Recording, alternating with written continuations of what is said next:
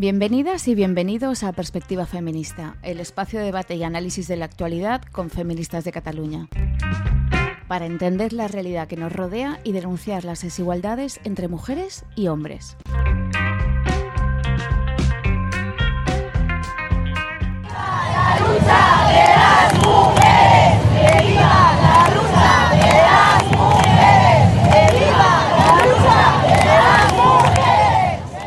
Hola compañeras, ¿qué tal? ¿Cómo estáis? Hola chicas, ¿qué tal? Soy Elisa. Yo Erika, ¿cómo estáis? Y yo soy Pat. Hoy venimos a charlar sobre todo lo que como mujeres le debemos al feminismo, porque lo que a nosotras hoy en día nos parecen derechos que tenemos totalmente asumidos y normalizados, no son fortuitos ni han existido siempre, sino que son el resultado de la lucha del feminismo y de los miles de mujeres que antes que nosotras lucharon por conquistar los derechos que nos correspondían como ciudadanas, pero que nos eran negados por ser mujeres.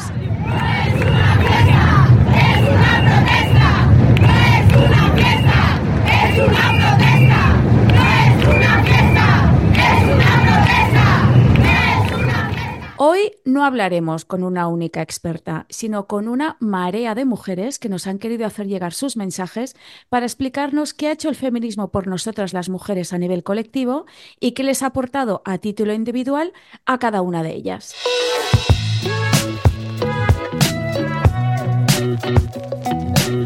¿Qué le debemos las mujeres al feminismo? Escuchemos a las compañeras. El feminismo nos aporta primeramente una conciencia de grupo, una conciencia de, conocer los derechos que históricamente se han negado a las mujeres y que hoy en día todavía se les niegan.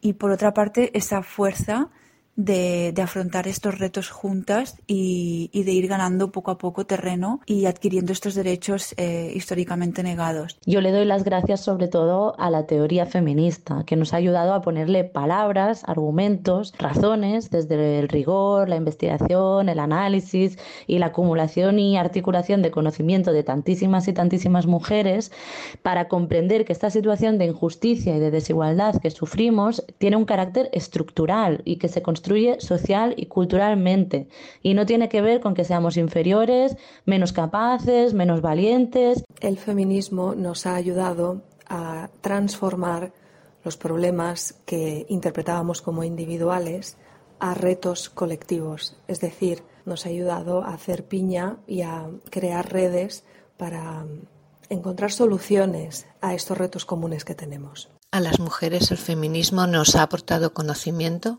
para poder establecer nuestras reglas de juego y posicionarnos dentro de la sociedad ocupando el lugar que nos corresponde. Me parece que el feminismo sirve para ponerle nombre a lo que les pasa a las mujeres en general. El feminismo es la herramienta eh, para entender por qué cobramos menos, por qué tenemos trabajos precarizados, por qué sufrimos violencias. Creo que el feminismo es la, la herramienta que te da esa respuesta al por qué a las mujeres en el mundo, mujeres y niñas, nos pasa lo que nos pasa. El feminismo nos da esa respuesta y nos ayuda a entenderlo y nos ayuda a, a estudiarlo y por tanto intentar revertirlo. Ha puesto palabras a la sumisión y opresión de las mujeres. Ha articulado un marco teórico y ha estructurado su lucha por la liberación ha permitido la toma de conciencia de que las injusticias específicas que sufren las mujeres por el hecho de haber nacido mujeres, independientemente de la clase social a la cual pertenecen, ha dado instrumentos de reflexión y argumentos para luchar y convencer y, conseguir derechos como el derecho de voto o de aborto, por ejemplo.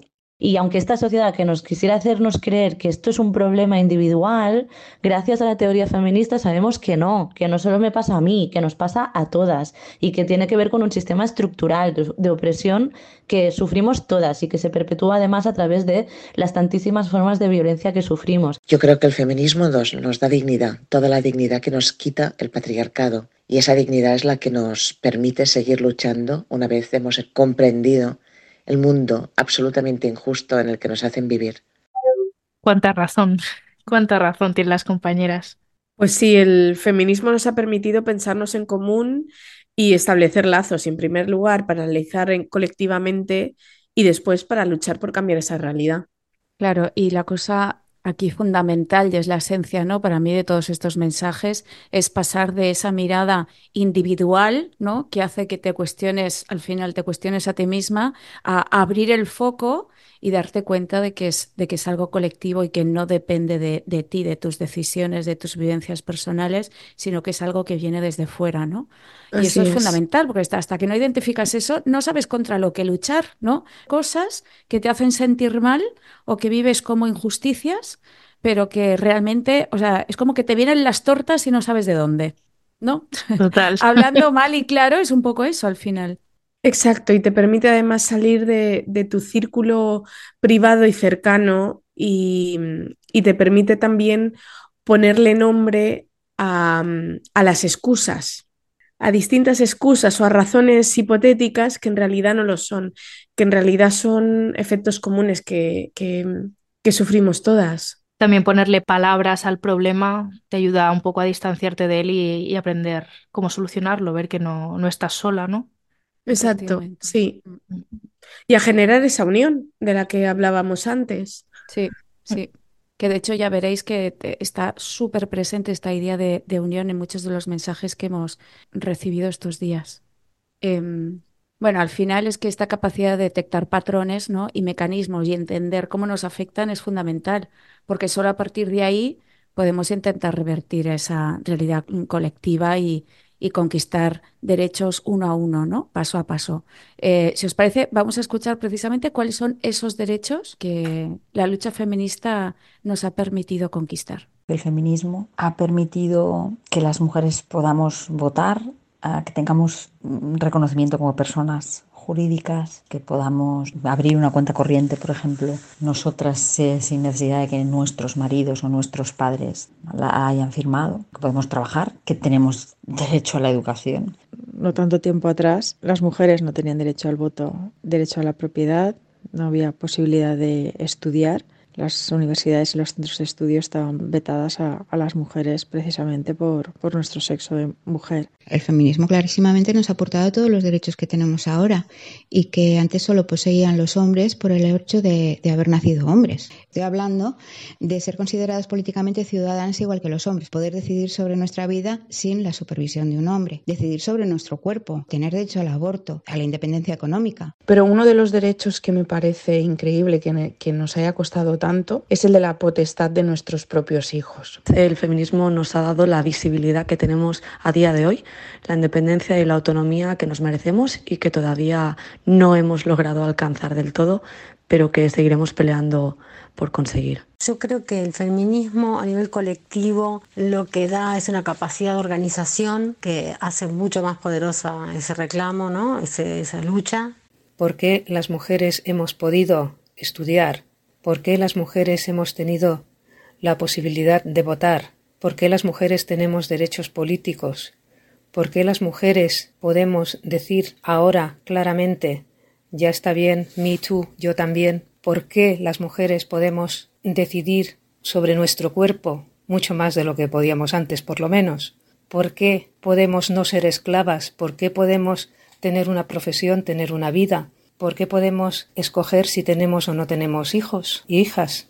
Todo esto es gracias al feminismo. ha conseguido que las mujeres tengamos muchos más derechos y li- y libertades de las que tenían nuestras madres y espero que nuestras hijas, gracias al feminismo, tengan muchos más derechos y libertades de los que nosotros tenemos ahora. Pues efectivamente el feminismo en sus 300 años de historia ha conseguido que la mayoría de las mujeres aquí y en países de nuestro entorno no seamos eternamente consideradas menores de edad, dependientes de la voluntad de los hombres de nuestra familia. Ha conseguido también nuestro acceso a la educación, nuestro acceso a entornos y categorías profesionales, antes exclusivos de los hombres o como mínimo dominados fundamentalmente por ellos nuestro derecho al voto, al divorcio, al aborto y nos ha permitido entender y denunciar la feminización de la pobreza y la mayor precariedad laboral de las mujeres, así como la violencia que sufrimos en todas sus formas. También es importante a esto, ¿no? Ponerle una línea temporal y hacer una cronología de cómo se han ido conquistando todos estos derechos en nuestro país. Por ejemplo, las mujeres no podemos acceder a los estudios superiores hasta el año 1910. De hecho, en 1842, la pobre Concepción Arenal se tuvo que disfrazar de hombre para poder ir de oyente a las clases de Derecho en la Universidad de Madrid. El sufragio femenino no se consiguió hasta 1931, gracias a la famosa lucha histórica de la que hablaremos otro capítulo de Clara Campoamor.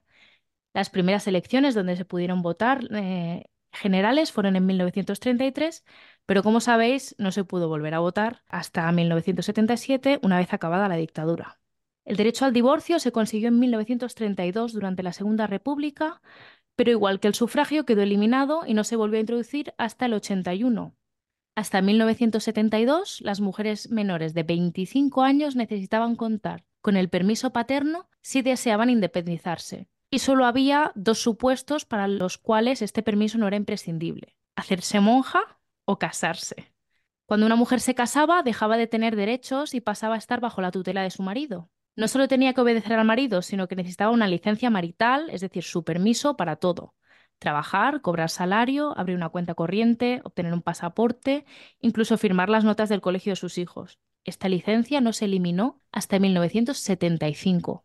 El adulterio, por ejemplo, dejó de estar penado en 1978. Las penas, por supuesto, eran mayores en mujeres adúlteras que en hombres infieles. Los primeros anticonceptivos hormonales se comercializaron en España en 1978, el año de la Constitución.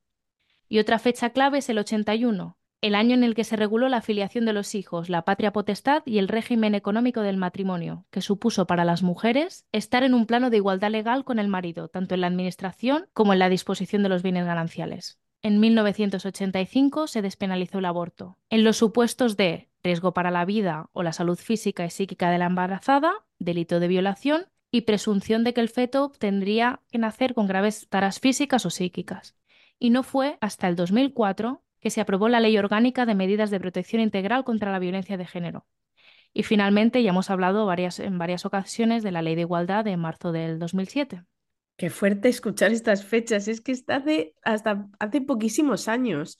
A las mujeres se nos daba trato de menores de edad. De verdad, es que parece increíble. Nos ha costado muchísimo avanzar hasta el punto en el que estamos ahora mismo. De hecho, es que yo creo que es imprescindible, ¿no? Recordar este tipo de fechas, porque al final todos estos derechos de los que las mujeres podemos disfrutar en nuestro país a día de hoy independientemente de si somos o no feministas, por cierto, al final son el fruto del compromiso de las mujeres feministas que nos han precedido. No es algo que nos haya venido regalado. No dijeron, ah, pues mira, las mujeres, qué majas, les vamos a dar estos derechos. No, no, es que hay una lucha, ¿no? Detrás de ello. Una lucha que además ha tenido que enfrentar a, numerosas resistencias.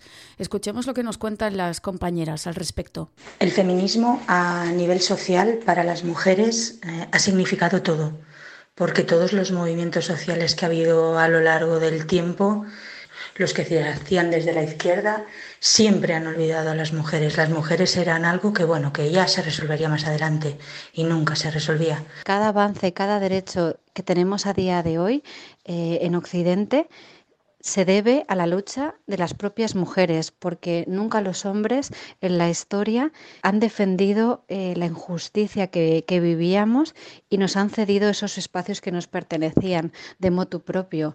Es el único movimiento sociopolítico global que de forma pacífica ha logrado cuestionar y hacer mella en la estructura social patriarcal y ha logrado que el colectivo oprimido, en este caso las mujeres, pueda llegar a empoderarse en todos los ámbitos de la vida. En todos los movimientos sociales revolucionarios en los que han participado las mujeres no se han logrado avances para las mujeres porque sus supuestos compañeros o camaradas siempre han puesto mucha resistencia o han pensado que no era el momento, ¿no? Así que le debemos absolutamente todos y cada uno de los derechos de los que podemos disfrutar ahora a nuestras predecesoras. Bueno, que se lo digan a las mujeres que participaron en la Revolución Francesa. Así es. Sí, a mí me parece fundamental mm, eh, el hecho de, y, hay que, yo creo que hay que recalcarlo mucho, eh, el hecho de que el feminismo es la única revolución pacífica, en el sentido de que nunca ha generado o ha provocado un enfrentamiento o un conflicto armado y que ha cambiado la realidad de la mitad de la población de una forma tan profunda en los últimos 300 años. De hecho, en las protestas han fallecido más feministas que... Efectivamente, efectivamente. sí, pero que nunca se ha generado un conflicto armado eh, y es, o sea, ha sido la única revolución pacífica real que, que ha existido. Y no por falta de ganas, ¿eh? Efectivamente. Bueno, a y por falta de razones. No por falta de razones, exacto. ¿No? ¿Cuántas veces dan ganas de pillar la katana, ¿no? Y hacer Sí. justicia, tomarnos la justicia por nuestra mano. Pero sí que es verdad, estoy totalmente de acuerdo en que ha sido el único movimiento social em, eh, pacífico, ¿no? Y que, y que sin el uso de la violencia eh, ni del conflicto ha generado unos cambios tan profundos. Eh, además, eh, un movimiento en el que las mujeres apenas nos hemos visto apoyadas por, por el sexo contrario, hay que decir las cosas como son, salvo algunas excepciones, pero No es casual que las, que las manifestaciones siempre gritemos solo las mujeres salvarán a las mujeres. Porque No. efectivamente suele ser así. Y No, otra cosa que me ha venido a la cabeza, Erika, que no sé si es lo que tú tenías en mente, lo de pacífico, sí, pero a ver, que las sufragistas no se andaban con chiquitas tampoco. Efectivamente, eso es lo que yo tenía en la cabeza. Algún, Explícalo, algún explícalo. cristal se rompió y... ¿Y algún cuadro se rajó? Alguna bomba también se tiró, ¿eh? Pero Sí, yo creo que sí, bombita. Sí, sí. Pero bueno, yo me refería a, a conflicto armado como tal, No, no, que sí, que sí. Sí, no, eso no. Sí, la guerrilla urbana y, y- y las posibles explosiones y alguna rajada de Velázquez que hubo, no, no pueden compararse a, a otras revoluciones que han protagonizado otros grupos sociales que han generado muchísimos muertos eh, y muertas sobre todo. Exacto. Y el feminismo ha sido capaz de cambiar la realidad profundamente de la mitad de la población, pero a unos niveles que creo que muchas veces no somos conscientes hasta que no revisamos esta cronología que antes Erika relataba también. No somos conscientes de que todos estos cambios se produjeron antes de ayer. Exacto, pero es que no solo son derechos recientemente conquistados, es que además haberlos alcanzado tampoco significa que no los podamos volver a perder. Es que de hecho los, los derechos que disfrutamos las mujeres en Occidente a día de hoy, además de que han sido conquistados, pues eso, lo que decíamos, con muchísimo esfuerzo, con mucho trabajo y con muchísimo sacrificio, pues no están 100% garantizadas, ¿no? De hecho, tenemos, tenemos al- al- algunos ejemplos de, retroceso, ¿no? En ese sentido. Y no estoy hablando solo de, de países que a lo mejor nos puedan parecer muy lejanos, como Afganistán, Irán o Palestina, entre otros muchos, sino que últimamente también estamos observando intentos de provocar estos retrocesos también en países, digamos, más occidentales, incluido el nuestro. Exacto, sí, es que además tenemos que tener en cuenta eh, que estos retrocesos no requieren de grandes esfuerzos. Ya veis que, mm, por ejemplo, hasta hace 50 años las mujeres en Egipto, en Irán o en Afganistán disfrutaban de muchas más libertades de las que tienen actualmente. Pero es que el pasado 24 de junio del año pasado se eliminó la protección estatal del derecho al aborto en Estados Unidos, el rey de la libertad mundial, y esto ha provocado que hasta 14 estados hayan prohibido la interrupción del embarazo tras esta derogación de la histórica sentencia de Roe contra Wade de 1973. Además, en el resto del continente americano, los países que permiten el aborto son solo cinco: Argentina, Colombia, Cuba, México y Uruguay. Ya está. Bueno, de hecho, Argentina está nominada de estos cinco países. Así es. nominada? Que como mi ley se levante con el pie izquierdo, der- deroga el derecho al aborto. Ah, bueno, ganas no le faltan. Pero además podemos pensar que esto igual es cosa solamente de países del tercer mundo o países muy conservadores como al final sí que es Estados Unidos, pero es que también en Andorra, por ejemplo, está prohibido abortar en todos los casos y junto con Malta es el único país europeo que aplica las leyes más restrictivas sobre el aborto. Y de hecho, por denunciar esta situación, Vanessa Mendoza, que es presidenta de la asociación Stop Violencies, ha sido acusada de cargos de difamación contra las instituciones, que puede estar penadas con multas muy altas. Sí, de hecho se organizaron varias, varias manifestaciones, ¿no? Precisamente para mostrar el apoyo a, a Vanessa. Pero comprar bebés en Andorra es legal, ¿no? Se los traen de, de Georgia. Les pasa un poco aquí como en España. Claro, aquí se puede, se- está prohibido, de hecho está prohibida la, la compra de, de bebés. Sin embargo, eh, tenemos esta instrucción tan estupenda de la Dirección General de Registros y el Notariado que permite por la puerta de atrás introducir a bebés comprados en países tan, tan pacíficos y que tienen todas las garantías eh, legales y humanitarias como puede ser ahora mismo Ucrania. Otros retrocesos que también nos hayan vendido como avance. También ha habido una evolución en la explotación sexual, se ha perfeccionado, estamos ya en el punto de, de- del siguiente nivel, la explotación sexual 2.0, y de nuevas formas de explotación sexual y de captación de chicas jóvenes a través de OnlyFans con argumentos en- de un supuesto empoderamiento femenino a través de monetizar lo que denominan el capital erótico y de la famosa libre elección, que por cierto, la libre elección y el libre consentimiento requiere un capítulo exclusivo, chicas. Totalmente de acuerdo. Y por no hablar de otras cuestiones como la progresiva sustitución de la variable sexo por la idea abstracta de identidad de género. Y ya hemos visto en este mismo podcast la importancia de registrar correctamente el sexo de los pacientes, ¿no? Gracias a las explicaciones de la doctora Karma Valls-Llobet. Y es que las potenciales consecuencias de esto pueden ser nefastas, ¿no? Invisibilización en estadísticas, diagnósticos incorrectos, tratamientos inefectivos, estudios y ensayos clínicos con resultados engañosos y no representativos. Y no so- pero no solo a nivel en el plano de la medicina, ¿no? Sino a nivel legal también. Todo, Pat, todo. Eh, tasas de empobrecimiento femenino, tasas de Ah, abandono todo. escolar, eh, brechas salariales. Claro. Todo se queda en nada. Sí, No, no, porque por además supuesto. Te, impide elaborar herramientas efectivas para luchar contra esas situaciones. Es decir, si dejamos de tener en cuenta que la mayor parte de los delincuentes, ya no solamente delincuentes sexuales, la mayor parte de la delincuencia se comete por hombres, si dejamos de tener en cuenta esto, dejamos de poder hacer políticas de prevención de criminalidad reales y aplicadas a la realidad, que ni siquiera ahora mismo se hacen teniendo las estadísticas que tenemos. ¿Qué pasará cuando no las tengamos? Claro. O sea, realmente para poder tener una foto de eh, la situación de, una, de la población, ¿no? O de partes de la población en un momento determinado, necesitas hacer uso de una serie de variables objetivas para poder tener una foto real de esa situación en ese momento concreto. Si nos cargamos una variable eh, objetiva como el sexo y lo sustituimos por percepciones, sentimientos, creencias, que ni siquiera se pueden considerar una variable, no, no se ajusta al término variable, al concepto de variable, es que si no podemos tener una foto real de lo que ocurre, ¿cómo vamos a poder corregir esa realidad?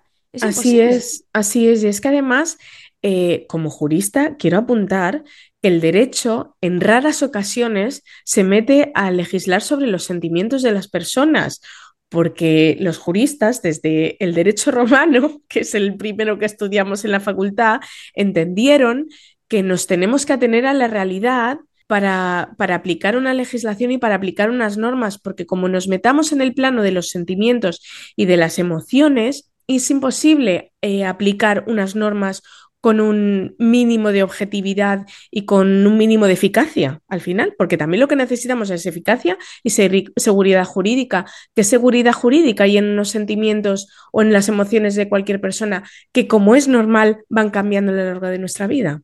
Entonces, como bien decía, como bien decía antes Erika, y recordaba la famosa frase de Simone de Beauvoir que dice que no olvidéis nunca que bastará una crisis política tal para que los derechos de las mujeres vuelvan a ser cuestionados y se produzcan precisamente estos retrocesos que estábamos apuntando ahora. eh, pues hay que, hay que mantenerse muy, muy firmes, ¿no? Escuchemos a las compañeras cómo reflexionan sobre esta, sobre esta cuestión. Aún queda muchísimo por avanzar, pero el feminismo hace que se generen espacios seguros para las mujeres donde podamos hablar y donde podamos poner en común las cosas que nos pasan y a la vez compartir vivencias y ayudarnos unas a otras. Quizás ha sido la, mayor herramienta de transformación social que ha habido en el último siglo y también he notado que especialmente en los últimos cinco años con mis compañeras y amigas mujeres que existe mucha más eh, y comprensión de, de las distintas eh, barreras que nos encontramos en el día a día y que también creo que esta unidad es muy positiva dentro del movimiento feminista pues una tabla salvavidas, porque el ataque hacia las mujeres es por tierra, mar y aire y como vemos el patriarcado tiene suficientes eh, tentáculos para cuando vemos que hemos conseguido un, objetivo, lo rehace para llegar por otro lado, como por ejemplo el tema trans o el tema eh, pornografía. Entonces, si no te agarras a esa tabla, estaríamos perdidas y esclavizadas. Y actualmente ha aparecido un llamado caballo de Troya que llama libertad a lo que es en realidad la utilización del cuerpo de la mujer como un objeto de comercio. Introducir la pornografía, el, llamar trabajo sexual a la prostitución, el alquiler de vientres, todas estas cosas, obliga al feminismo radical a una denuncia constante a pesar de que las mujeres y sus representantes son reprimidos y denunciados. Y lo que es realmente lamentable es que la mal llamada izquierda defienda estas leyes en nombre de un mal llamado progresismo. Por el momento lo que ha conseguido es colocarse en el centro de la conversación, en el centro de la conversación, tanto política como, como en el centro de la conversación de la, de la cena de Navidad que seguro que vamos a tener.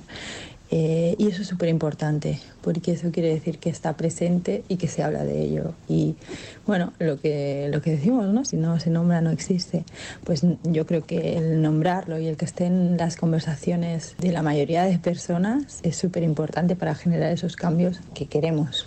Pienso en lo importante que sería si todas las mujeres, sobre todo aquellas que no han estudiado, que no han leído feminismo, supieran todos los derechos que el feminismo ha conseguido para que ellas los, los puedan disfrutar. Sobre todo gracias a esta teoría feminista también tenemos un horizonte de emancipación y de esperanza, porque sabemos que si el patriarcado no es natural, sino que está socialmente construido, eso quiere decir también que podemos construir la sociedad de una manera diferente, de una manera en que las mujeres seamos tratadas como iguales, que se nos respete, que seamos sujetos de derechos y de dignidad y que seamos libres como movimiento emancipatorio y de lucha por la transformación, junto al esfuerzo de tantas mujeres feministas y valiosas, hará posible que el discurrir de la agenda feminista no lo torpedee nadie. Estaremos vigilantes. Sabemos que retroceder o estancarse es fácil y posibilidades existen.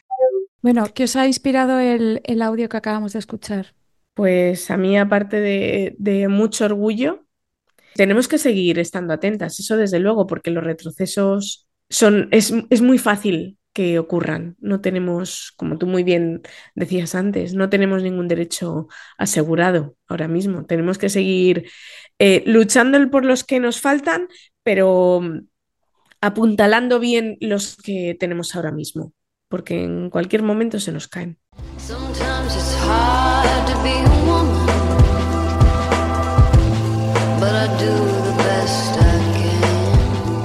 Sabemos que el, feminismo, mm, ha quedado claro, es el movimiento de emancipación y liberación de las mujeres a nivel colectivo, pero lo cierto es que también tiene un impacto a nivel individual y un impacto muy potente, porque no solo condiciona nuestras vidas, sino que también nos da una nueva mirada sobre la realidad que nos rodea. A mí el feminismo me ha dado una clarividencia única para comprender el mundo más allá de todas las ciencias sociales y de toda la filosofía política. Y esa sensación de que no hay vuelta atrás.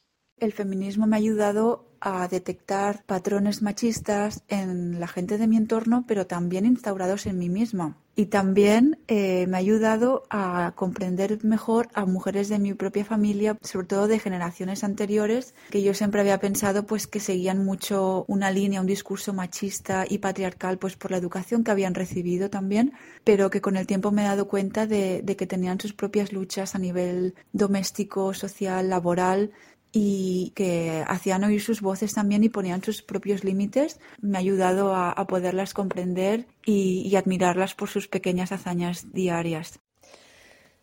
Tanto mi hermana como yo hemos tenido la suerte de crecer en una familia en la que nuestra madre nos enseñó a formarnos como personas independientes e íntegras y no como sirvientas de un hombre. Tenemos esta parte del camino hecha, pero sin embargo el feminismo nos ha ayudado a poner luz a esos machismos que habitan en nosotras, no porque sean nuestros, sino porque nos los han inoculado desde fuera. Con lo cual, el feminismo a nivel individual me ha ayudado a alumbrar estos machismos que tenemos todas insertos en nuestro cuerpo y en nuestra cabeza y a ponerles solución. Es como un diccionario, código, son unas claves que te ayudan a interpretar el mundo que nos rodea y las relaciones con los demás, tanto hombres como, como mujeres. Eh, no, no, me cuadraba, era como un puzzle que no, las fichas no encajaban. Ahora sí que encajan, está buenísimo. A eso me ha ayudado el feminismo, a, a entender, a entender, a ver, a detectar y afrontar todo aquello que nos incumbe a las mujeres. Me ha ayudado a entenderme, a cuestionarme también cuando ha sido necesario. También el feminismo me confronta con mis contradicciones. El feminismo ha representado para mí una manera de ver y entender el mundo y poderlo imaginar libre de esa opresión sexista que la sociedad impone sobre los cuerpos de las mujeres ha sido como encontrar la pieza del puzzle que hace que de pronto lo veas todo desde otra perspectiva. Es como si te levantaras del suelo y contemplaras tu vida. Desde bien joven me cambió la mirada facilitándome herramientas para poder analizar la realidad de otra manera. Me ha formado en, en, toda esa historia oculta, me ha facilitado referentes femeninos que nadie me los había ofrecido y todo eso me ha llevado a tomar decisiones en mi propia vida siendo dueña de, del destino que me he forjado a mí misma. Así comprendí que lo que me pasaba no era solo fruto de mis particularidades, sino que también había algo estructural en ello fue un despertar, fue entender muchas de las cosas que me pasaban y que me pasaban por ser mujer. Había situaciones que me generaban rabia, impotencia, frustración y no sabía por qué. Una vez te colocas esas gafas moradas, lo empiezas a ver todo desde esa perspectiva y es imposible quitarlas. Es como descubrir una verdad que ya cuando la has descubierto ya pueden venir y decirte cualquier cosa que tú sabes que eso es así. A mí ya os lo he contado alguna vez, pero, pero la realidad es que el feminismo me ha hecho la vida mucho más incómoda, porque me, me ha obligado a observar la realidad desde una perspectiva que, que no te permite estar quieta. Eh, primero, porque te obliga permanentemente a revisarte. Y revisarte no solamente a nivel de comportamiento, sino también a nivel de deseos, a nivel de pensamientos, a, un nivel mucho más inconsciente de emociones y de, y de ideas preconcebidas que parece que surgen de la nada y te ayuda a analizar que, de repente esas ideas preconcebidas no, no, estaban ahí por ciencia infusa, sino que se te han inculcado por la sociedad patriarcal. También te, me obliga a revisar a, a, las personas a las que quiero o a personas a las que yo pensaba que quería, que eso también suele ser bastante duro. Y además me impide disfrutar por completo de la mayoría de las producciones audiovisuales y musicales actuales. Ah, Esa es la realidad. Es una condena. Esa es la realidad. Es una condena, efectivamente, Erika. Es una condena total sigo disfrutándolas, ¿eh? Y no, no nos vamos aquí a, a poner de, de Adali desde que yo soy muy especial porque no me gusta casi nada. Eh, yo disfruto mucho con muchas pelis muy terribles, pero mm, me ha obligado a analizarlas, pero so, sobre todo me ha obligado a moverme.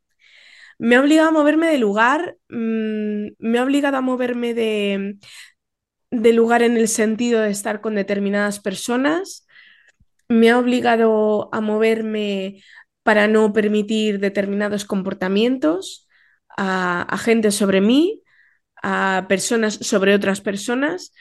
Me ha hecho la vida mucho más incómoda, pero me ha hecho la vida mucho más interesante también, mucho más completa.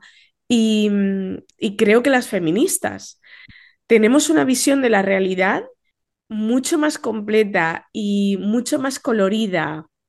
Perdonadme por lo de colorida, ¿eh? Ya. Pero mucho más.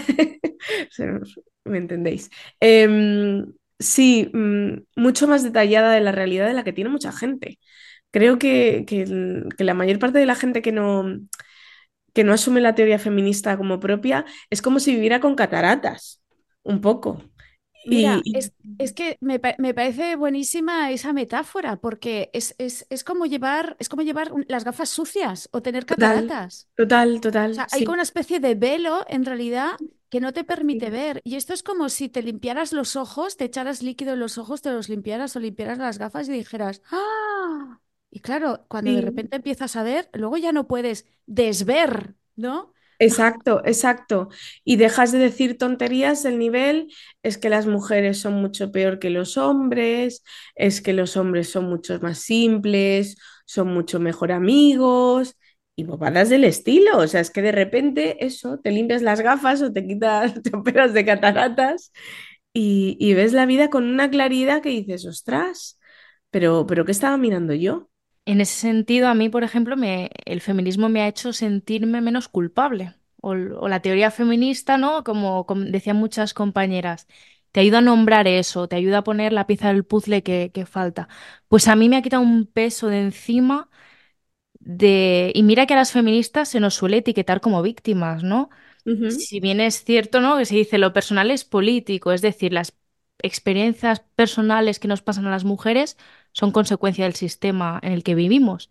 Pero si le das la vuelta, a mí es algo que me alivia un montón. Por ejemplo, cuando vas por la calle y un imbécil te dice algo, tú sabes que no es personal, que no te lo está diciendo a ti por cómo vas vestida o por si eres más guapa, más fea, más alta, más baja. No es, es porque él te ve como un objeto y te ve como algo intercambiable, o sea, como una mujer random, como se dice, en plan, una mujer X que se puede cambiar por 7. Entonces dices, vale, como, no, o sea, no, me lo es, no es culpa mía.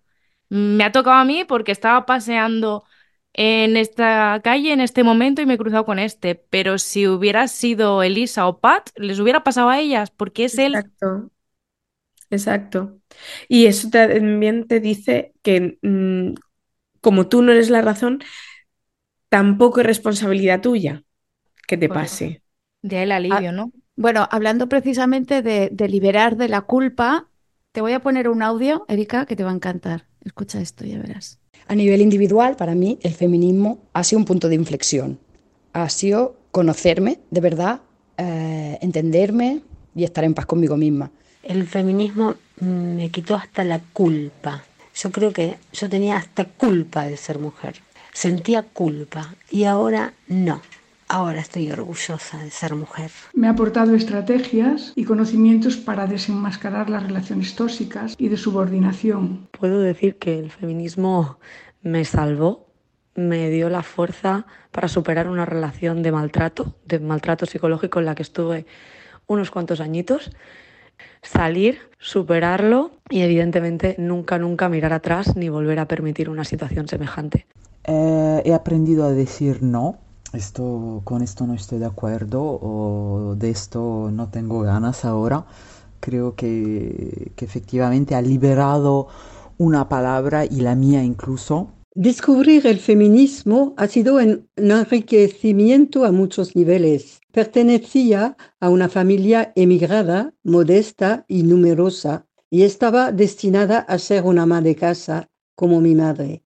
El feminismo me ha hecho una persona más feliz y libre, me ha hecho avanzar. darme cuenta de todo el maltrato, de todo el abuso que he estado padeciendo como mujer con mis parejas varones, parejas en las que había maltrato psicológico, darme cuenta de que todas mis relaciones heterosexuales han sido pornificadas, escenificadas por el porno sobre todo, y llegar a hacer cosas que no quería hacer, no me apetecían, pero que las acababa haciendo porque a mi pareja, pobrecito, ¿no?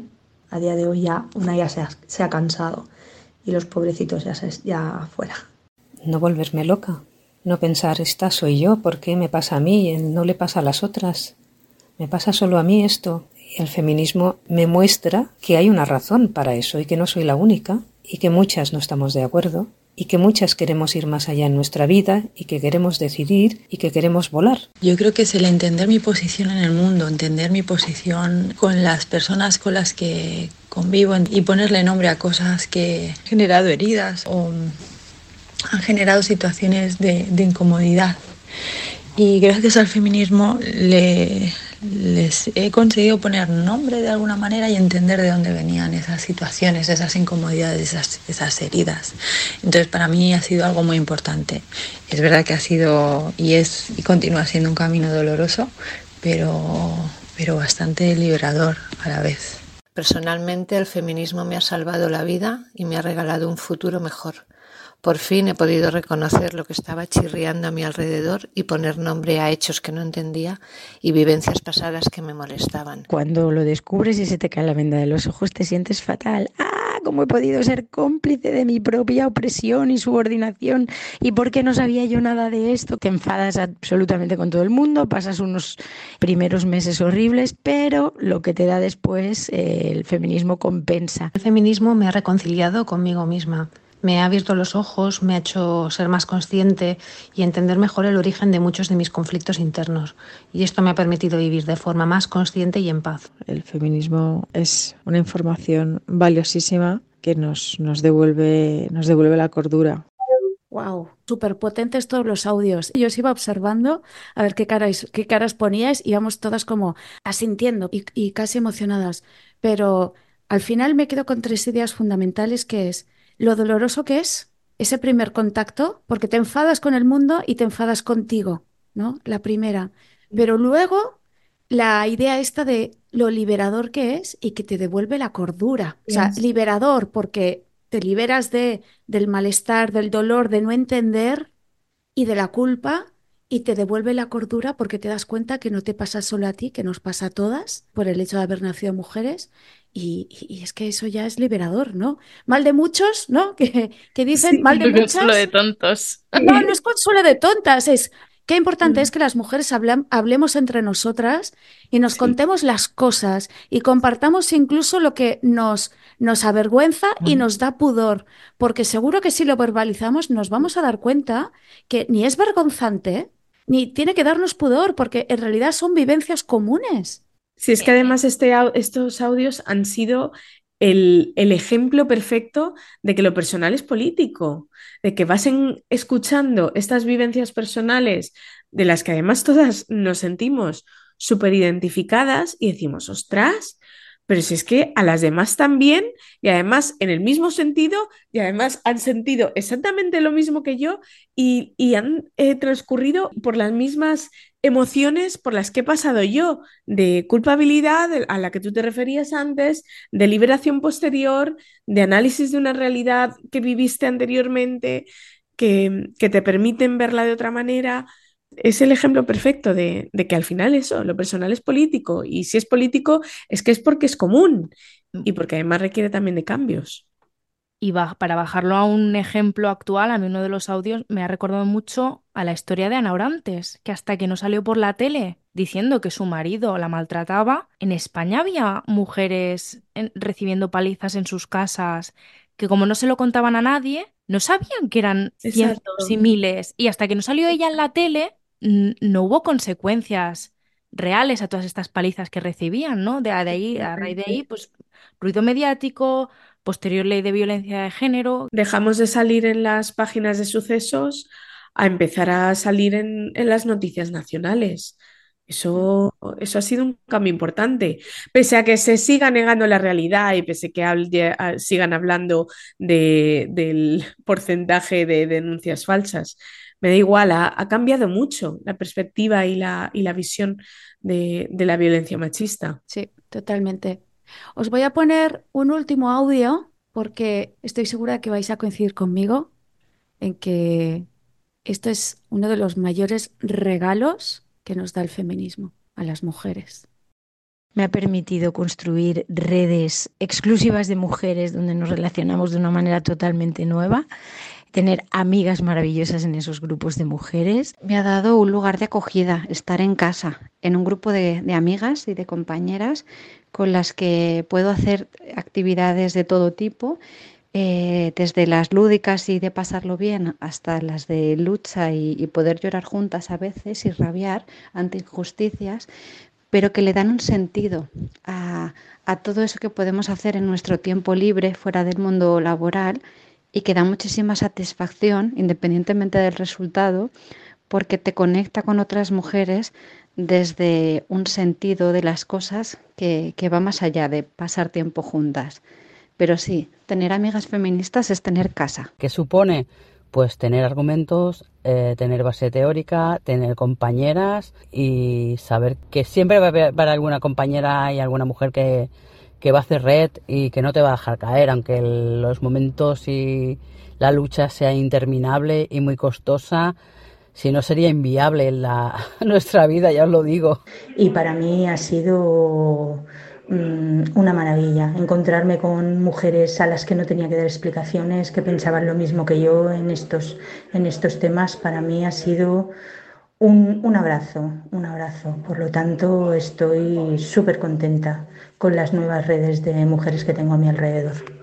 Pero lo más importante y lo que puedo destacar es que también me ha dado una red de compañeras y amigas maravillosas y feministas, por supuesto, con las que puedo batallar día a día porque tengo la certeza y la seguridad de saber que no estoy sola en un mundo tan cruel para las mujeres. Yo le doy las gracias al feminismo sobre todo por haberme dado un espacio de lucha colectiva a través del cual he podido conocer a tantísimas y tantísimas mujeres que son valientes, que son interesantes, que son buenas personas, eh, que están absolutísimamente comprometidas no solo con una mejora de las condiciones de vida que nos afectan a nosotras en esta sociedad, en el aquí y en el ahora, sino que están comprometidas con una mejora global de la situación de las mujeres y de las niñas en todo el mundo.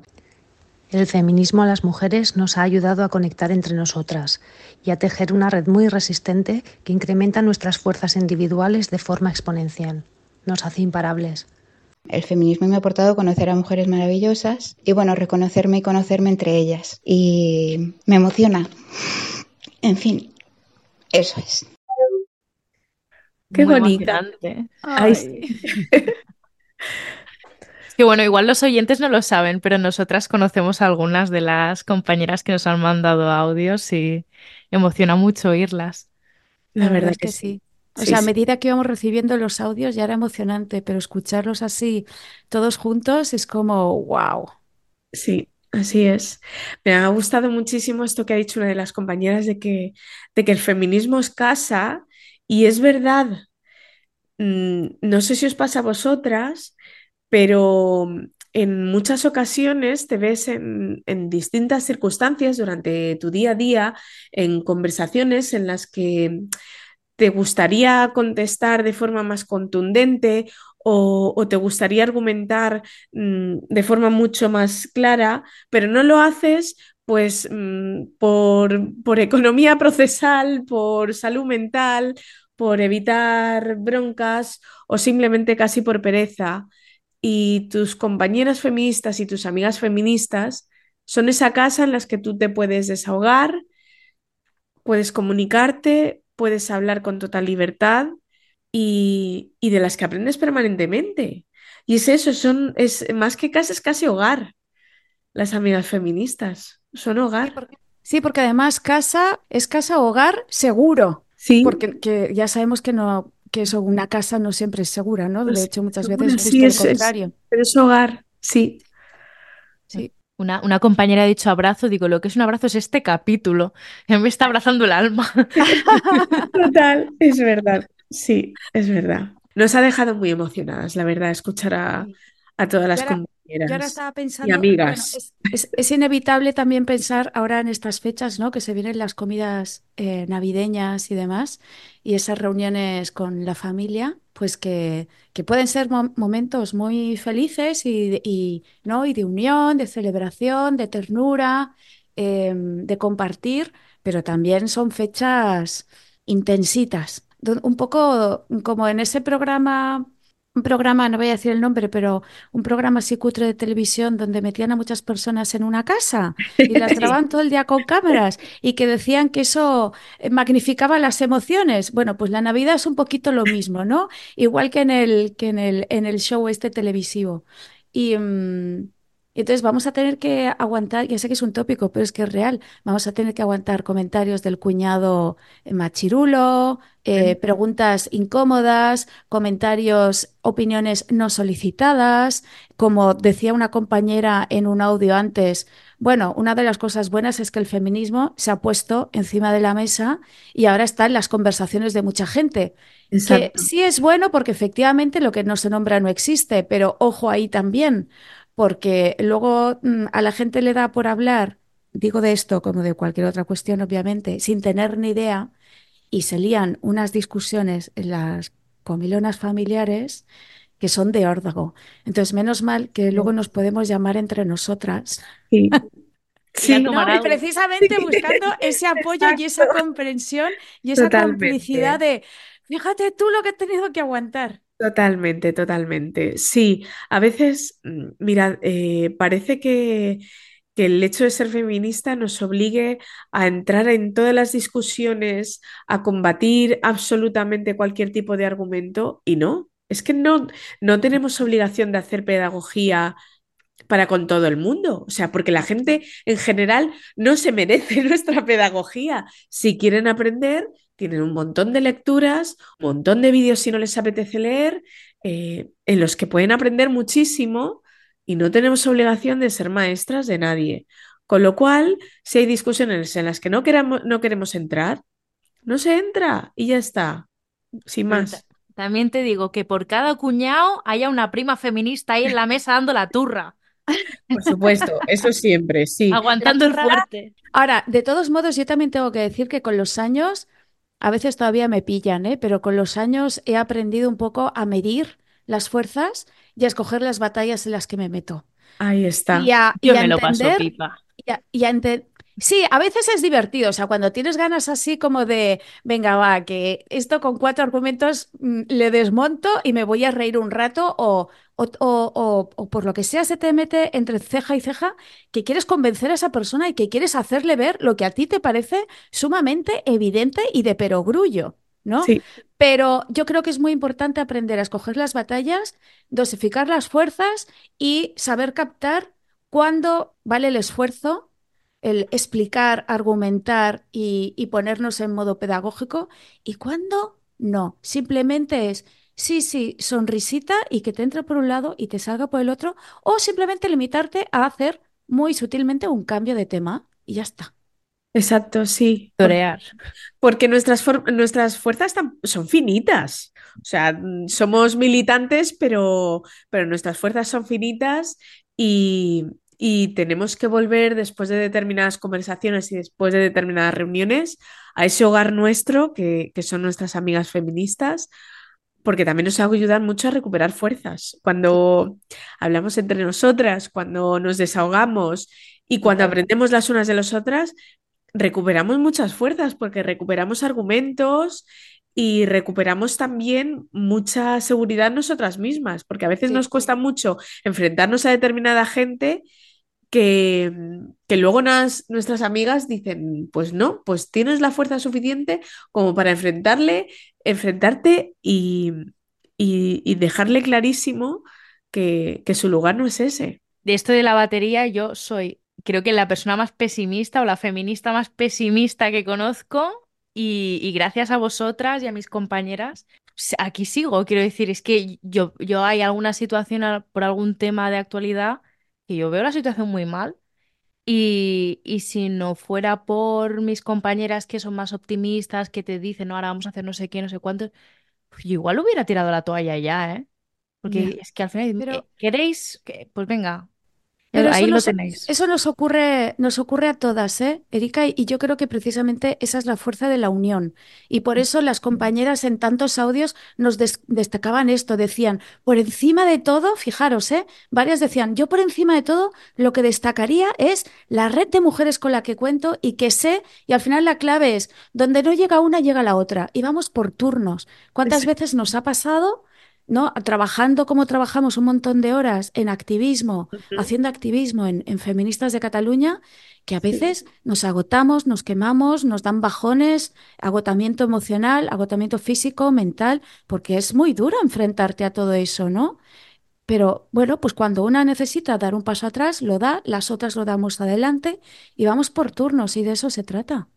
Exacto, si es que además, si, si observamos la, la historia hacia atrás y de lo que han tenido que, que luchar y sufrir nuestras predecesoras, como tú muy bien contabas antes, Erika, todo el, toda la cronología de los derechos conquistados y todo lo que nos ha costado, esas mujeres, lo que, lo que tendrían que padecer, o sea, la, lo solas que se sentirían sin redes sociales, sin posibilidad de comunicarse de, de forma inmediata como tenemos nosotras ahora mismo como, con otras mujeres que pensaran como ellas o para organizarse, que lo tenían muchísimo más complicado.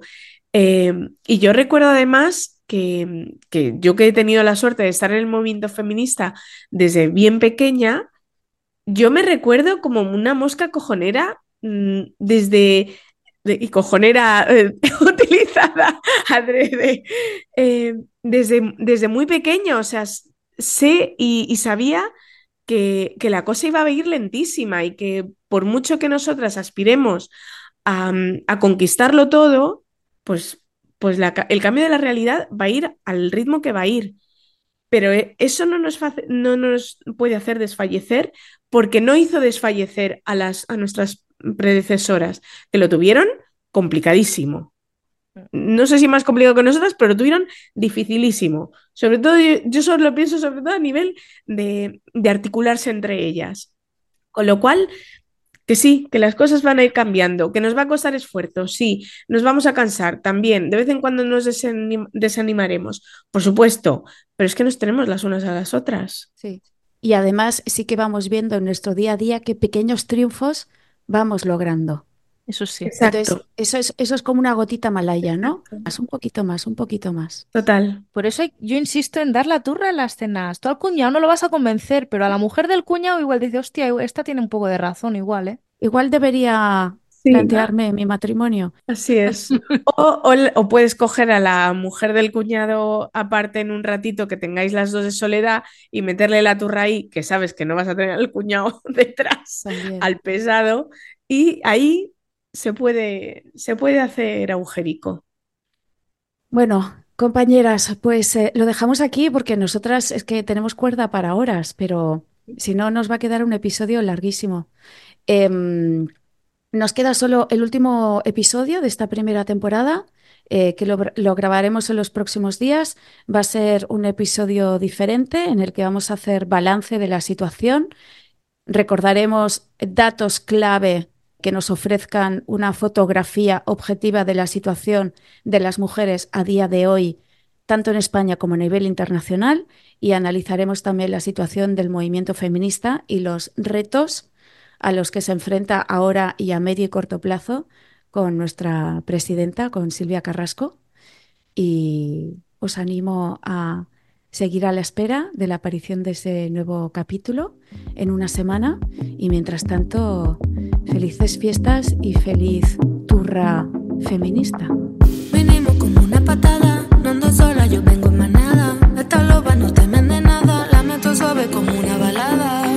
Si piso tu suelo, que sea para florecerlo y que tu florezca el mío y juntas volvamos a hacerlo. Hermana, tú me das sentido, contigo sé que puedo hacerlo y que cuando a mí viene el frío, me ayuda a salir de hielo.